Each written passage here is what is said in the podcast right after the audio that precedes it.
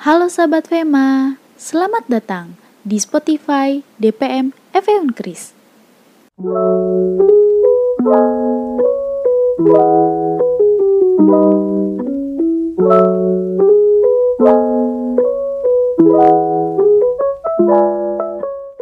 Halo sahabat Fema Pada podcast DPM FE Unkris episode 4 kali ini Semoga kalian pendengar diberi kesehatan selalu pada masa pandemi saat ini Di podcast kita kali ini topik yang akan kita bawa yaitu tentang peran penting advokesma. Di lingkungan kampus untuk podcast kali ini gua nggak sendiri. Gua ditemani sama Ketua Komisi 2 DPM FE Unkris Bang Devigo Zefki. Yang biasa disapa Bang Igo. Selaku narasumber pada topik kita kali ini Halo Bang, mungkin bisa sapa para pendengar? Eh halo semuanya yang denger nih. Halo.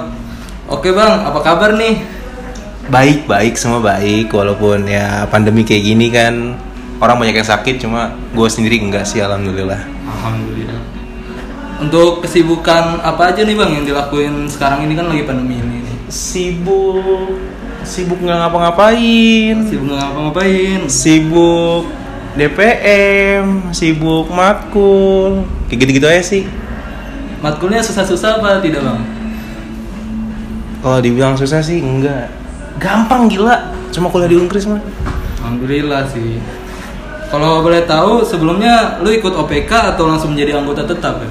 Oh kalau dulu gue ikut OPK kebetulan OPK 2019 kayak teman-teman gue yang lain juga sama Dan dari OPK itu lu dapat komisi berapa ya? Dulu gua komisi 3, tapi komisi 3 tuh dulu sama kayak sekarang komisi advokasma dan pendidikan, cuma beda angka aja sih sekarang karena eh, naungannya aja gitu udah udah ganti. Oke, mungkin lu kan udah tahu ya tentang advokesma sendiri. Kalau gua boleh tahu, advokesma itu apa ya? Advokasma itu apa? Kalau secara umumnya ya, advokasma itu advokasi kesejahteraan mahasiswa, ya kan? Tapi Iya. kalau ngomongin kayak gimana ya perannya gitu atau atau atau tugasnya seorang advokat atau atau apa ya dibilang advokasi sama mudahnya itu apa Eh, bisa dibilang pelayan Pelayan. pelayan mahasiswa ya kenapa pelayan mahasiswa karena gue juga ngerasa advokasma nih eh, memberikan pelayanan ke mahasiswa melayani mahasiswa terkait apa aja Eh, sebelumnya gue tau dulu advokasma tuh artinya apa? Advokasma tuh artinya eh, yang ngewakilin mahasiswa kalau misalnya ada inovasi eh atau gagasan baru yang eh, tidak diterima oleh suatu lingkungan dan ingin dimajukan secara berkala itu nah makanya gue bilang tadi melayani misalnya mahasiswa ini ada keluhan tentang apa ya kita ambil contoh pembayaran. Pembayaran kuliah di setiap semesternya. Ada keluhan kalau mereka mereka nggak bisa bayar gitu.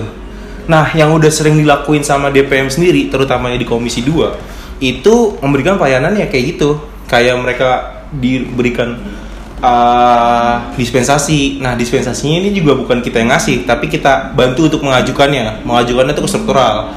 Nah itu apa advokasma itu apa itu pelayanan pelayan mahasiswa lebih gampangnya sih ya kalau disebut pelayan mahasiswa kayak gitu karena nggak cuma keluhan tapi kayak aspirasi terus kayak apa ya pokoknya terkait terkait yang mahasiswa nggak terima dan mahasiswa pengen nyampein ke struktural yaitu dilayaninya sama komisi 2 Oh, mungkin dari advokesma itu segitu saja ya.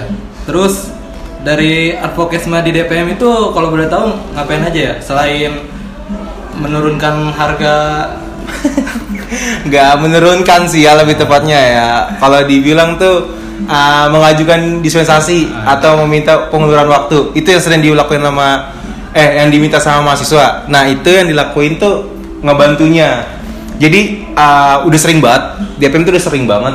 Malah kalau dibilang tiap semester ataupun tiap menjelang uas atau UTS banyak tuh teman-teman yang kayak belum bisa bantu dari mahasiswa lain jadi kan uh, apa ya kalau dibilang tuh pada umumnya kan kita anak lembaga ya Iya. kan anak lembaga yang punya satu langkah lebih maju lah dibanding mahasiswa yang lain karena kita yang kenal struktural, kita yang tahu-tahu struktural gitu. Pokoknya kita tahu semua dah sistematisnya kayak gimana. Nah, perannya ya gitu tadi ngebantu ngasih layanan pelayanannya juga. Jadi yang sering dilakuin ya tadi sih. Sama uh, banyak yang uh, misalnya dibilang apa ya program programnya DPM yang nampung aspirasi juga.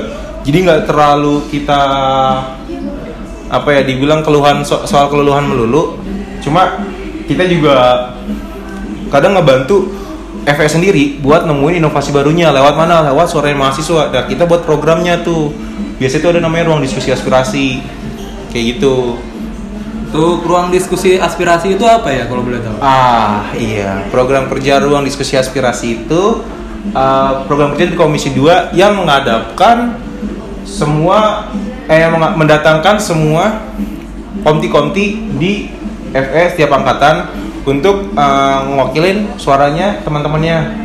Untuk apa wakil suara apa suara aspirasi. Jadi itu juga kita di dalam ruang diskusi aspirasi kenapa namanya ruang diskusi ya kita diskusin terkait aspirasi yang diajukan misalnya misalnya nih kelas lu nih man Iya bang. lu selaku komti ya kan Iya.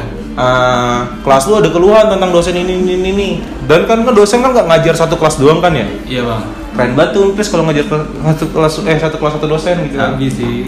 nah itu bisa didiskusiin nah itu tuh ruang diskusi aspirasi jadi kita diskusiin nggak cuma jadi eh, setiap aspirasi yang masuk mesti kita diskusiin. Dari setiap komti-komti yang ada di kita undang-undang dan kita hadir yang udah kita hadirin gitu. Terus juga di ruang diskusi aspirasi itu eh, yang tadi gue bilang kalau misalnya kita nggak bantu FE jadi kalau misalnya kita kan eh, tahu info-info selanjutnya nih. Kayak kemarin gue ngadain tuh ada info tentang blended learning.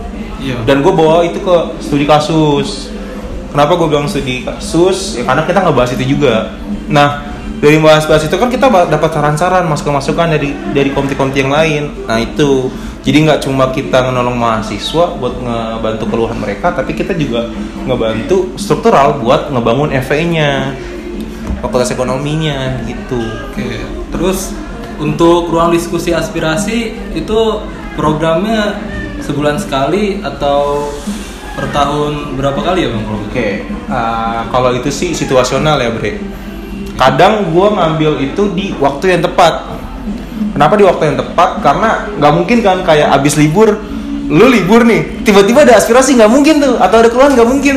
Sabi. Biasanya gue masuk di tanggalan itu pas di UTS, abis UTS ataupun menjelang uas, karena di situ tuh mahasiswa udah ngerasa pembelajarannya setengah semester, jadi pasti ada keluhan dong. Iya. Makanya gue bilang situasional kayak gitu. Udah tenang juga ya. Ah, dan kita juga nyiapin nyiapin uh, yang tadi kayak info-info tadi supaya kita bisa bawa ke teman-teman mahasiswa yang lain. Gitu man. Iya. Terus kan tadi peran pentingnya itu kan yang ah, Bang Igo sendiri bilang baru untuk menurunkan harga atau mendispen- mendispensasikan harga ya. Iya. Selain itu ada lagi nggak sih bang? Hmm, banyak sih. Sumpah banyak banget. DPM itu banyak banget ngasih pelayanan ke pelayan- pelayanan ke mahasiswa. Ah, selain itu Iya. terkait akademik juga bisa. Kalau boleh tahu apa aja itu? Ya yang tadi gue contohin kayak misalnya eh, kelas lu ada dosen yang kagak jelas nih. Iya. kayak ya lu tau lah pandemi sekarang kan banyak dosen yang malas online juga ada aja cara-cara metode yang salah dan nggak bisa kita terima gitu nah itu gue juga bisa ngajuin itu jadi tuh uh, banyak kayak pertama akademik tadi contohnya misalnya dosen lu nggak jelas bisa gua bisa ngasih pelayanan ke komisi eh pelayanan aduan ke komisi 2 eh, terus nanti kita perbaikin Iya. untuk bilang ke dosennya. Terus yang ketiga, eh yang ketiga, yang kedua, Yang kedua. tadi soal finansial, ya kan soal terkait biaya apa pun itu. Terus yang ketiga fasilitas. Fasilitas. Ya kalau kita offline, fasilitas pasti kita gunain dong, Pastilah. pasti kan. Kalau misalnya AC kelas lu rusak, nggak dingin, nggak apa, itu bilang ke kita bisa. Bisa itu.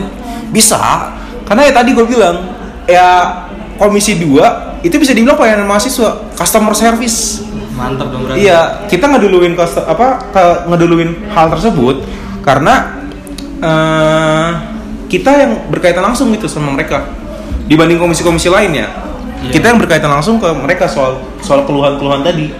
Jadi kalau misalnya kita sendiri pun kagak bisa ngasih hal tersebut dalam tandeman diri kita di komisi ya susah juga gitu loh maksudnya kasihan juga kok apa mahasiswanya buat apa juga ada lembaga kalau mahasiswa nggak bisa kebantu kan gitu Iyalah. Pasti itu. Terus kalau misalnya mahasiswa itu mau menyalurkan aspirasi di lingkungan Fakultas Ekonomi itu alurnya gimana aja, Bang? Kalau boleh tahu. alur Iya. di fak- di apa fakultas ekonomi ya Fakultas Ekonomi kan tadi kan Abang udah ngasih tahu ruang diskusi aspirasi. Selain itu pasti ada lagi dong. Oke, berarti cara-caranya ya? Iya, Cara-caranya, benar sih. Jadi selain cara-cara tadi kan, kalau cara-cara tadi kan tanggalnya nggak menentu tuh, Iya. ya kan? Nggak menentu lah, kayak bisa kapan aja. Tapi kan mahasiswa nggak bisa nunggu sampai tanggal itu terjadi dong. Pasti. Komisi 2 tuh punya pikiran modernisasi yang yang yang gimana ya? Yang bagus. Jadi kita buat eh, akun lain official itu namanya Gaspol. Mungkin sekalian promosi kali ya. Oke. Teman-teman yang dengar mungkin bisa add aja langsung 124 Napsi kan. Itu kalau kalian mau gunain itu, itu adalah eh, tempat penampungan aspirasi kita secara online yang dikerjakan 24 per 7. Tuh. Jadi eh, itu tuh online mulu. Online. Mau seminggu full, mau lu lagi di rumah, lu lagi di Bandung di mana kek, serah lu. Lu selagi ada keluhan le- lewat situ bisa. Gitu. Dan kita bakal kasih pela- pelayanan yang yang sama halnya kayak kalau kita secara ketemu langsung gitu. Kalau misalnya ada ini kita tampung, kita tampung, kita tampung, kita tampung gitu. Kayak gitu. Jadi 24 per 7 lah. Itu uh, penampungan yang bisa dibilang lebih efisien sama lebih efektif. Efisien lebih efektif sama eh lebih efisien sama lebih efektif. Karena bisa dilakuin di mana aja dan kapan aja. Kalau tahu, kalau boleh tahu itu gaspol itu dari media sosial apa aja ya, Bang?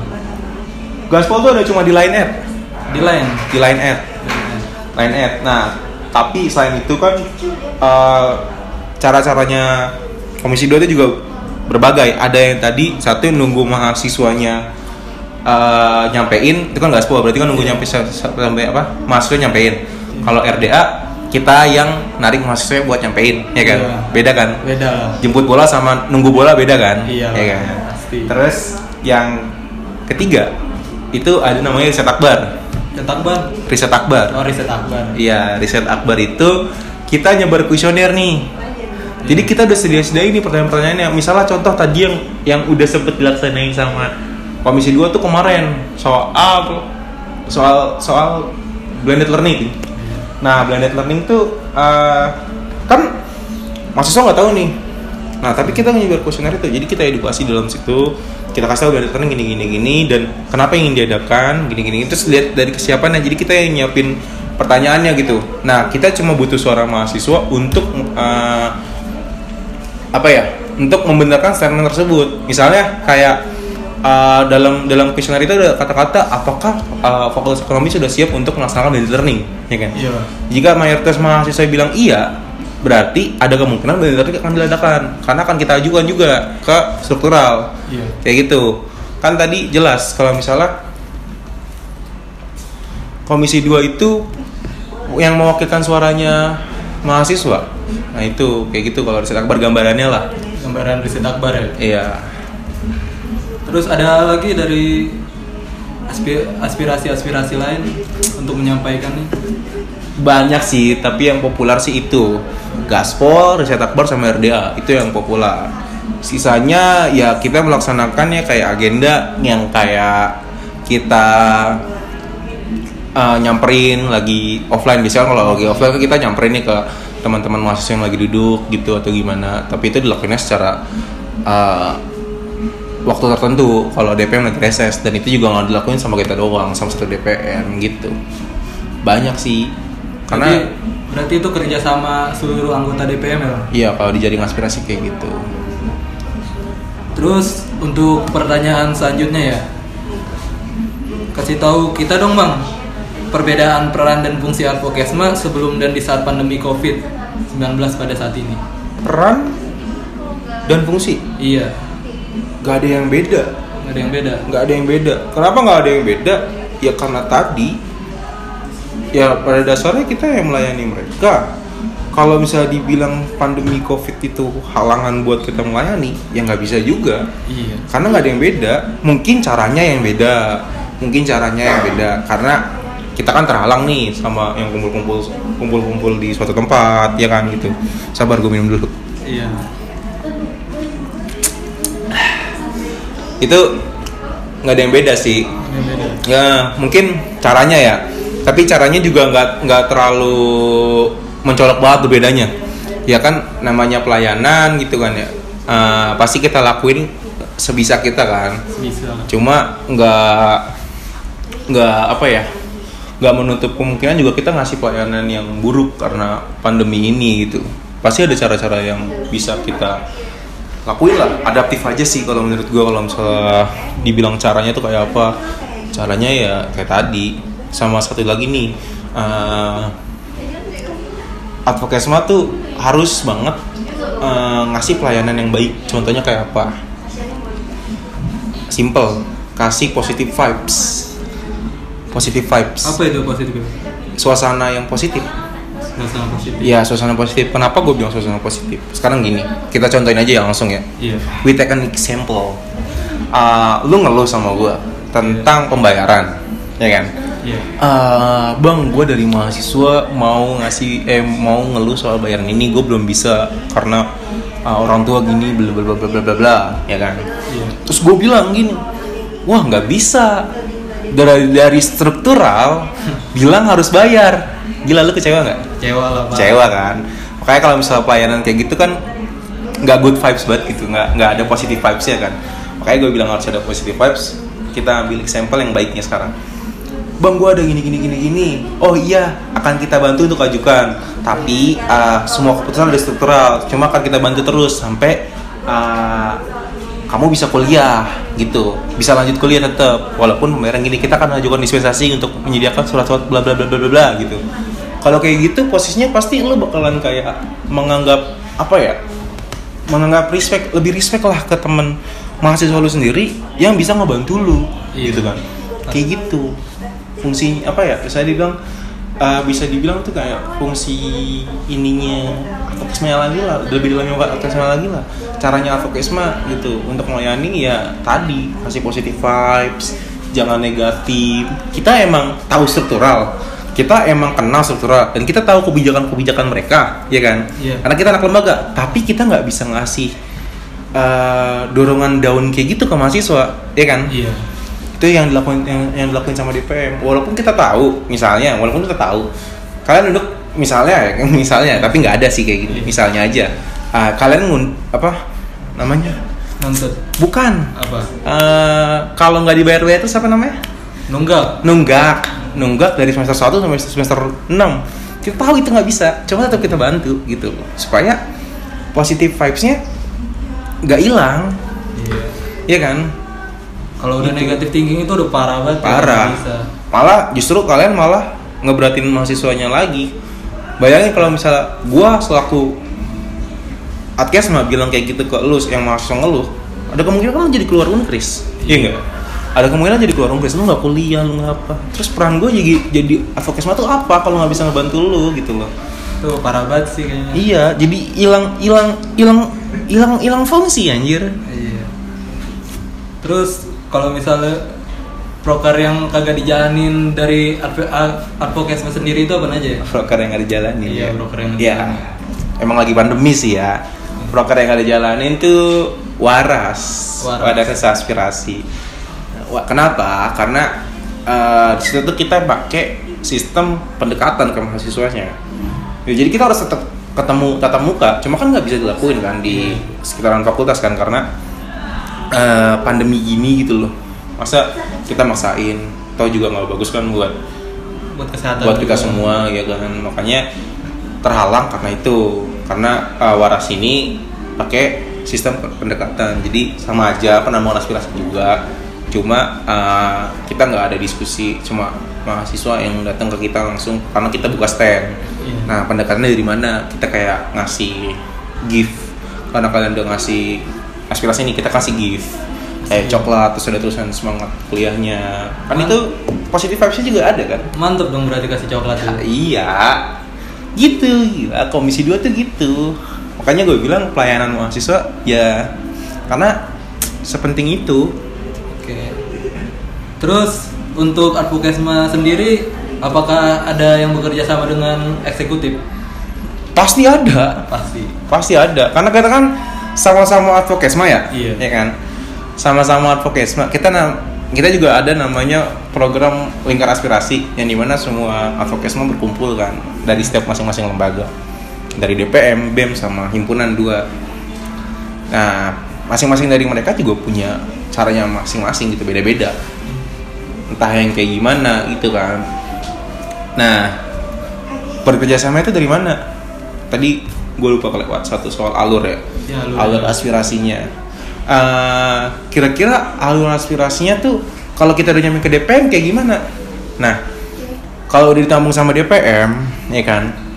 Karena DPM ini lembaga legislatif kita nggak bisa langsung ngajuin Iya. ke struktural. Harus melewati lembaga apa eksekutif selaku eksekutor ya kan? Iya. selaku penggerak lah. Maaf. Selaku penggerak lah. Nah eh, biasanya tuh kalau aspirasi udah ditampung sama DPM kita akan adakan lingkar aspirasi. Lingkar aspirasi. Heeh, jadi lingkar aspirasi ini kan tadi yang gue bilang ya semua dari masing-masing lembaga aspirasinya kumpul. Nah di kumpul itu kita ngapain emang? Kita adain dulu kajian.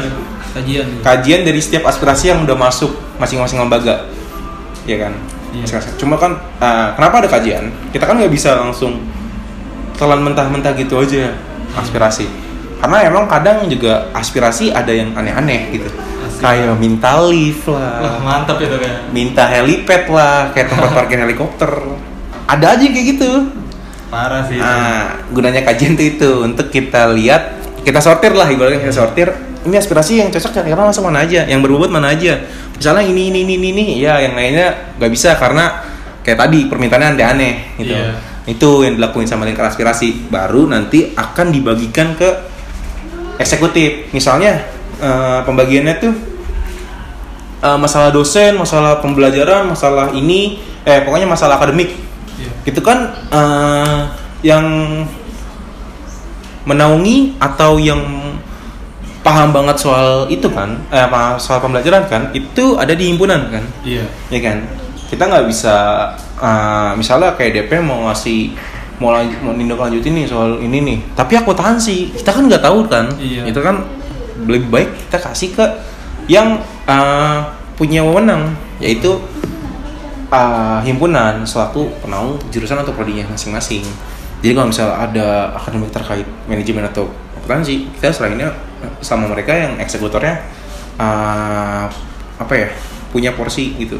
Manajemennya manajemen, akuntansi akuntansi. Kalau misalnya uh, aspirasi itu terkait keuangan, terus terkait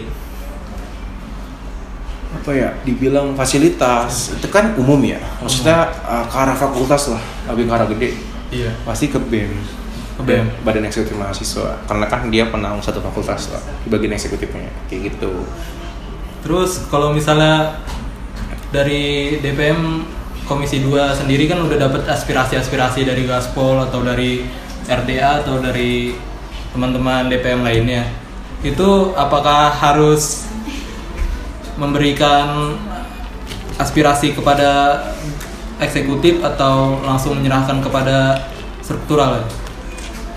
Gimana? Sorry gue agak kurang mudeng. Kalau misalnya ada aspirasi dari DPM, misalnya Mhm. dari RDA tadi ruang diskusi aspirasi, dari Gaspol dan dari apa aspirasi aspirasi lain dari anak DPM atau dari mahasiswa lain, itu apakah langsung ke ekseku langsung ke struktural atau langsung apa nama dibicarain dulu dengan eksekutifnya sendiri? Oke.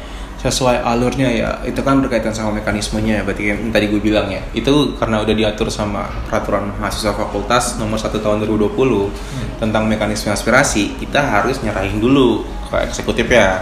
Karena tadi gue bilang soal DPM itu bukan lembaga eksekutif tapi legislatif.